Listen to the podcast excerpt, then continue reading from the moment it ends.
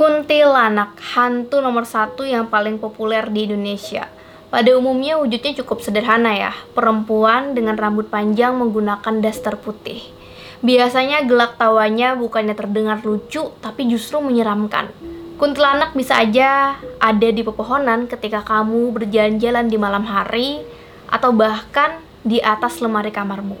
Tapi kamu pernah nggak sih kepikiran, dari manakah kuntilanak ini sebenarnya?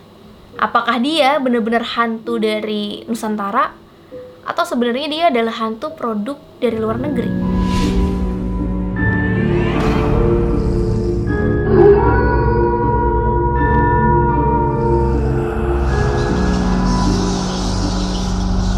Aku Gusti Gina dan ini Alkisah. Sebelum melanjutkan pembahasan kita mengenai mitos hantu kuntilanak, aku minta kamu untuk subscribe channel Gina Samsudin. Bantu aku untuk membangun channel kita sebagai channel nomor satu informasi mengenai mitologi, horor, dan misteri.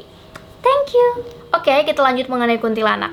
Mungkin sebagian besar dari cerita horor di Indonesia entah itu berbentuk cerpen atau cerita yang kita dengar dari teman, keluarga, dan kerabat pada umumnya akan menceritakan mengenai penampakan sosok perempuan berbaju atau bergaun putih panjang. Ya, itu tentu aja sih Mbak Kunti atau kuntilanak.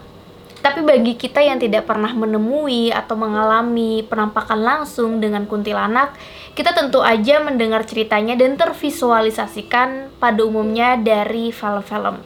Sebut saja seperti film trilogi kuntilanak, lalu ada juga kuntilanak mangku jiwo, Keranda Kuntilanak, Beranak dalam Kubur, dan film kuntilanak lainnya. Ada banyak sekali film horor Indonesia yang menampilkan kuntilanak sebagai tokoh utamanya. Selain dari film-film, ada juga nih banyak cerita kuntilanak yang viral. Contoh, kuntilanak Mbak Dini, kuntilanak-kuntilanak penampakan di video-video vlog paranormal, atau kuntilanak merah dan kuntilanak-kuntilanak lainnya yang kita kenal. Dan tentu aja semua kuntilanak itu belum dapat dibuktikan secara asli gitu loh. Dia itu hanya tergantung kepercayaan kita sebagai manusia. Kamu percaya kuntilanak itu benar adanya atau enggak? Itu terserah masing-masing. Yang jelas kuntilanak ini seperti pada mitos umumnya, dia terlestarikan lewat cerita yang kita dengar setiap harinya dari mulut ke mulut dan dari karya ke karya. Namun uniknya kalau kita menilik ke sejarah ternyata ada bisa nih yang kita gambarkan mengenai fenomena mitos kuntilanak ini. Jadi kayak puzzle yang perlahan-lahan udah bisa kita susun satu persatu. Contoh dari sejarah berdirinya kota Pontianak. Yang mana Pontianak dan kuntilanak ini ternyata sosok yang mungkin bisa dibilang sama yang dimaksud oleh warga yang ada di persepsi kita. Kuntilanak nggak cuma di Indonesia, ternyata juga ada di luar negeri. Dalam buku The Almost Complete Collection of True Singapore Ghost Story yang ditulis oleh Lee R pada tahun 1989, dia menyebutkan kuntilanak adalah hantu dalam kepercayaan masyarakat Melayu. Hantu ini dipercaya ada di Indonesia, Malaysia, dan Singapura. Nama hantu ini berasal dari kata puntianak yang merupakan artinya perempuan yang mati beranak. Dalam cerita rakyat Melayu guys, kuntilanak atau puntianak ini adalah hantu perempuan cantik yang mana punggung itu berlobang dan dia meneror warga menuntut balas dendam. Tapi agak berbeda dengan kepercayaan di Jawa pada umumnya, khususnya di Sunda. Kuntilanak ini tidak seperti itu. Yang punggung itu berlobang itu adalah sundal bolong. Selain kuntilanak, puntianak, sundal bolong yang sebenarnya secara fisik mirip-mirip ini, ada juga kepercayaan kuntilanak di beberapa daerah justru bisa menghisap darah layaknya vampir. So, itu sangat tergantung di mana mitos itu berkembang. Biasanya setiap daerah memiliki cerita detailnya masing-masing, seperti asal-usul, nama kuntilanak, jenisnya, motifnya, dan lain-lain. Kamu jalan-jalan di malam hari dan menemukan wanita cantik berjalan sendirian, hati-hati. Bisa jadi dia adalah kuntilanak. Karena kuntilanak dipercaya dapat berubah wujud seperti manusia dan bisa berubah jadi sosok yang mengerikan seketika. Selain itu, kuntilanak juga menyukai di atas pepohonan. Jadi kamu hati-hati kalau misalnya jalan di daerah pohon-pohon. Itu kenapa juga banyak cerita penampakan kuntilanak itu adanya di atas pohon. Kedatangan kuntilanak ini biasanya diiringi dengan aroma Kamboja. Selain itu juga suara anak ayam bisa menjadi tanda jarak dari kuntilanak. Kalau terdengar suara anak ayam ciap-ciap itu terasa dekat, maka sosok kuntilanak itu sebenarnya sangat jauh jaraknya. Dan sebaliknya, apabila terdengar suara anak ayam ciap-ciap terdengar jauh, maka sebenarnya si kuntilanak itu dekat denganmu. Jadi, kalau suatu malam kamu mendengar suara ciap-ciap anak ayam di tengah malam, perhatikan baik-baik apakah suara itu terdengar dekat atau terdengar jauh. Dalam kebudayaan Jawa, kuntilanak ini dikenal suka menggoda perempuan yang baru melahirkan atau yang sedang hamil. Oleh karena itu, ada tradisi ibu yang sedang hamil dibekali gembolan yang isinya gunting, bangke, dan lain-lain. Sang ibu juga belajar nembang kidung lingser wengi saat menjelang maghrib yang tujuannya untuk menolak bala sebagai penolak bala ya nyanyian itu. Bukan sebagai pemanggil setan ya seperti di film-film jadi kalau misalnya ada orang berpikir tembang lingser wengi itu untuk memanggil setan itu salah. Justru sebagai penolak bala Terkait dengan cerita mengenai kuntilanak ini, mungkin yang paling sering kita temukan adalah kuntilanak yang menuntut balas dendam. Entah bagaimana detailnya, apakah dia itu dibunuh, apakah dia kecelakaan, atau dia ingin membalas dendam rasa sakit hatinya. Jadi itu adalah cerita yang sangat sering kita dengar gitu loh mengenai asal-usul si kuntilanak. Tapi untuk tahu pasti, ada baiknya kita berpikir jauh ke belakang mengenai sejak kapan sih kuntilanak ini ada dan kaitannya dengan tampilan kuntilanak perempuan dengan gaun putih atau daster putih. Sebenarnya guys, ini adalah tampilan hantu wanita yang sangat umum di dunia. Selain kuntilanak kan ada juga La Llorona, Banshee, terus hantu-hantu perempuan lainnya juga di dunia lain tuh rata-rata kayak gini tampilannya. Gak cuma di Indonesia. Kuntilanak dalam versi Melayu, tepatnya Puntianak. Nah, ini ada sebuah legenda yang sangat terkenal, yang mana dulunya ada seorang putri dari kerajaan di wilayah Kalimantan Barat, dan dia membuat aib keluarga.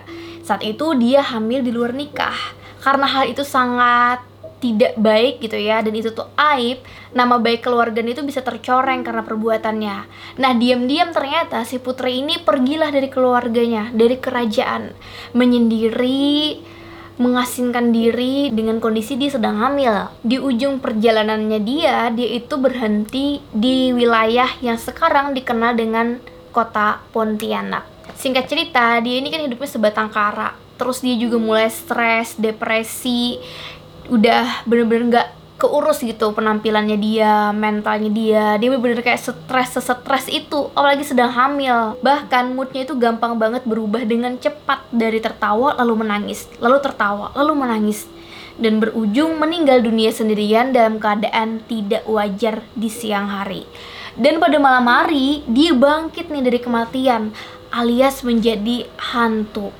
Dia menuju sebuah pohon besar di dekat pondok rumahnya. Pohon tua yang besar itu ternyata di batangnya itu memiliki lubang dan di sanalah si putri kerajaan ini yang sudah jadi hantu tinggal di lubang tersebut. Dan di sana dia melahirkan anaknya. Pohon itu pun menjadi rumahnya. Sejak saat itu, penampakan dari perempuan menggendong anak itu sering terlihat di pohon besar itu. Dan itu disaksikan oleh para nelayan yang kebetulan mampir di wilayah Pontianak. Dan dari sanalah orang menyebut hantu putri ini sebagai Puntianak. Kisah ini tidak berhenti sampai di sini, melainkan berlanjut sampai berdirinya Kesultanan Pontianak pada tahun 1771 di abad ke-18. Yang mana kesultanan ini didirikan oleh Syarif Abdurrahman. Jadi ceritanya seperti ini, sebelum dia mendirikan kesultanan dalam prosesnya, beliau dan pengikutnya diganggu oleh Pontianak, si hantu putri tadi. Beliau pun memerintahkan semua pengikutnya untuk memerangi hantu tersebut. Dan Syarif Abdurrahman ini melepas tembakan meriam kepada si hantu. Dan di mana meriam itu stop, berhenti gitu kan, mendarat, di sanalah akan didirikan Kesultanan Pontianak. Selain legenda Pontianak alias kuntilanak di Melayu ini, tentunya ada banyak versi mengenai asal muasalnya. Contohnya dalam film-film, ya seperti Mangku Jiwo, Kuntilanak, itu kan mereka punya versi masing-masing dan tentu aja itu adalah fiksi. Tapi yang menarik adalah tampilan dari kuntilanak ini. Seperti yang aku bilang sebelumnya, kalau tampilan kuntilanak ini adalah tampilan hantu perempuan paling umum di dunia dan kalau kita bisa bilang kuntilanak apakah memang benar-benar pure dari Nusantara itu juga jadi pertanyaan gitu loh. Apalagi dilihat dari pakaiannya dia. Berangkat dari keheranan ini ada seorang pemerhati budaya dari Malang yang bernama Mbah Basio dia malah mengatakan kuntilanak yang kita kenal sama ini justru merupakan produk luar. Atau bisa dibilang ini adalah hantu dari luar negeri gitu.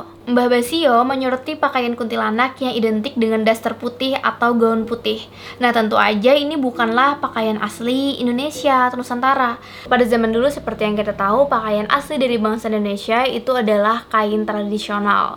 Yang mana bukan menggunakan gaun putih. Artinya kemungkinan besar gaun putih atau daster yang memang itu adalah khas dari perempuan Belanda adanya atau masuk ke Indonesia setelah penjajah dari Belanda datang ke Indonesia itu di abad ke-17 atau ke-18. Emang sih guys, bangsa Eropa itu khususnya Portugis mendarat di Jayakarta pada abad ke-16, tapi saat itu kan mereka laki-laki semua. Nggak mungkin kan mereka pakai daster. Lalu teori kemungkinan awal kemunculan kuntilanak ada pada seorang Jan Peterson Cohen, Gubernur Jenderal Wilayah Kongsi VOC yang keempat dan keenam. JP Cohen ini berambisi membangun koloni baru di Batavia. Jadi dia merubah peta kekuasaan perdagangan sekaligus menandai bangkitnya era kolonial Hindia Belanda di Nusantara. Jadinya pada saat itu dia meminta semua perempuan-perempuan Belanda dikirim ke Batavia untuk tinggal di Batavia, yaitu istri-istri para militer dan juga perempuan-perempuan yang bekerja profesional. Dan itu adalah pertama kali perempuan-perempuan Belanda datang ke Nusantara. Tentunya setelah mereka datang ke Nusantara, datang ke Batavia, mereka kan pastinya membawa pakaian mereka ya. Ya, gaun-gaun putih saat tidur itu kan adalah khas dari bangsa Eropa. Dan itu adalah visual dari kuntilanak yang kita kenal selama ini. Kemudian guys, ada juga nih peristiwa yang merujuk pada kemunculan kuntilanak selain perpindahan atau kedatangan perempuan-perempuan Belanda tadi, yaitu peristiwa hukuman mati dari pasangan Sarah Spex dan Peter Kortenhof pada tahun 1629 atas kasus perzinahan. Sebenarnya Sarah ini adalah anak angkat dari J.P. Count. Tapi karena dia ini melakukan perzinahan dan pada saat itu hukum yang berlaku adalah dihukum mati, akhirnya mereka dieksekusi. Itu juga karena si JP Kon ini pengen menyelamatkan nama baik dan jabatan dia agar tidak turun jabatan gitu. Jadi dia mengorbankan anak angkatnya sendiri. Nah, dari peristiwa ini muncullah dua istilah yang masih kita pakai sampai sekarang. Yang mana pasangan dari Sarah ini yang bernama Peter, dia itu sebelum dihukum mati, wajahnya itu di sekitar hidung dikasih garis arang hitam. Nah, semenjak itulah dia dikenal dengan sebutan hidung belang. Makanya sampai sekarang kan biasanya laki-laki yang suka bermain perempuan itu digelari lelaki hidung belang. Emang dari sini asal usulnya. Terus yang kedua, istilah pelacur. Nah, Sarah ini kan sebenarnya adalah anak angkat dari gubernur kolonial tadi kan. Tapi karena dia lacur, karena dia sial, lacur itu sial. Akhirnya terbuatlah istilah pelacur. Ya karena dia sial aja. Dan sampai sekarang orang yang melakukan perzinahan tapi perempuan itu kan biasanya dikenal dengan pelacur. So, istilah lelaki hidung belang dan juga pelacur ini ternyata berasal dari tragedi yang berkaitan dengan kuntilanak. Karena setelah kejadian tragis ini, itu tuh mulai muncul desas-desus di masyarakat ada hantu perempuan. Hantu perempuan ini ternyata baru nih dilihat oleh masyarakat. Jadi itu kayak dianggap hantu new entry gitu loh pendatang baru. Sebelumnya tuh nggak ada tapi setelah kejadian eksekusi mati tadi orang-orang tuh mulai berasumsi masyarakat tuh berasumsi bahwa hantu perempuan itu adalah hantu dari Sarah. Akhirnya kan itu kayak menyebar gitu loh semua orang tuh pada ngomongin itu. Apalagi Sarah ini kan ya pakaiannya pakai gaun putih biasaannya bukan orang Indonesia kan. Singkat cerita di abad ke-19 terdengarlah cerita mengenai kuntilanak ini ke telinga para pejabat Hindia Belanda. Tapi mereka itu kayak nggak mau gitu dikaitkan atau dituduh sebagai pembawa hantu perempuan pembawa kuntilanak. Akhirnya mereka itu membuat cerita nih yang mana itu adalah cerita fiktif asal mula kuntilanak dan disebarkan secara masif. Hingga semua pribumi berpikir kuntilanak itu dari Nusantara. Terlebih lagi dikaitkan dengan tradisi ibu hamil yang harus membawa gembolan. Jadi ya gitu deh, yang namanya juga pemerintah yang berkuasa pasti mereka yang bisa mengendalikan kebenaran di masyarakat. Jadinya political truth gitu kan. So dari penjelasan aku tadi, kira-kira kamu percaya yang mana nih? Apakah kuntilanak itu memang hantu asli dari Indonesia atau justru sebenarnya kuntilanak itu adalah hantu import dari luar negeri dan kemudian melokal dan berkembanglah berkembanglah karena juga dalam kepercayaan ya sebenarnya kan hantu itu adalah jin atau makhluk halus gitu tapi mereka itu butuh objek untuk memvisualkan diri. Dan terakhir, kisah dari kuntilanak ini menjadi gambaran mengenai patriarki di zaman dulu. Seperti yang kita tahu, di zaman dulu perempuan dibandang remeh ya, terutama di zaman Romawi. Wanita sepenuhnya di bawah kekuasaan laki-laki. Keadaan ini hingga abad ke-6 Masehi, namun seringnya berkembang peradaban hingga sekarang perempuan mulai mendapatkan hak-haknya.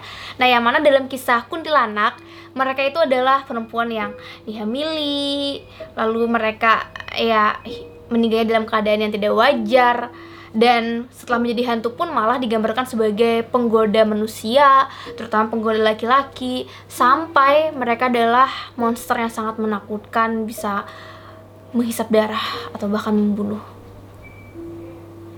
Kalau kamu sendiri gimana? Pernah ketemu Mbak Kuntilanak? Guys, thank you udah menonton video ini sampai habis. Jangan lupa untuk di subscribe, like, comment, dan share. Aku Gusti Gina. Bye. Love you.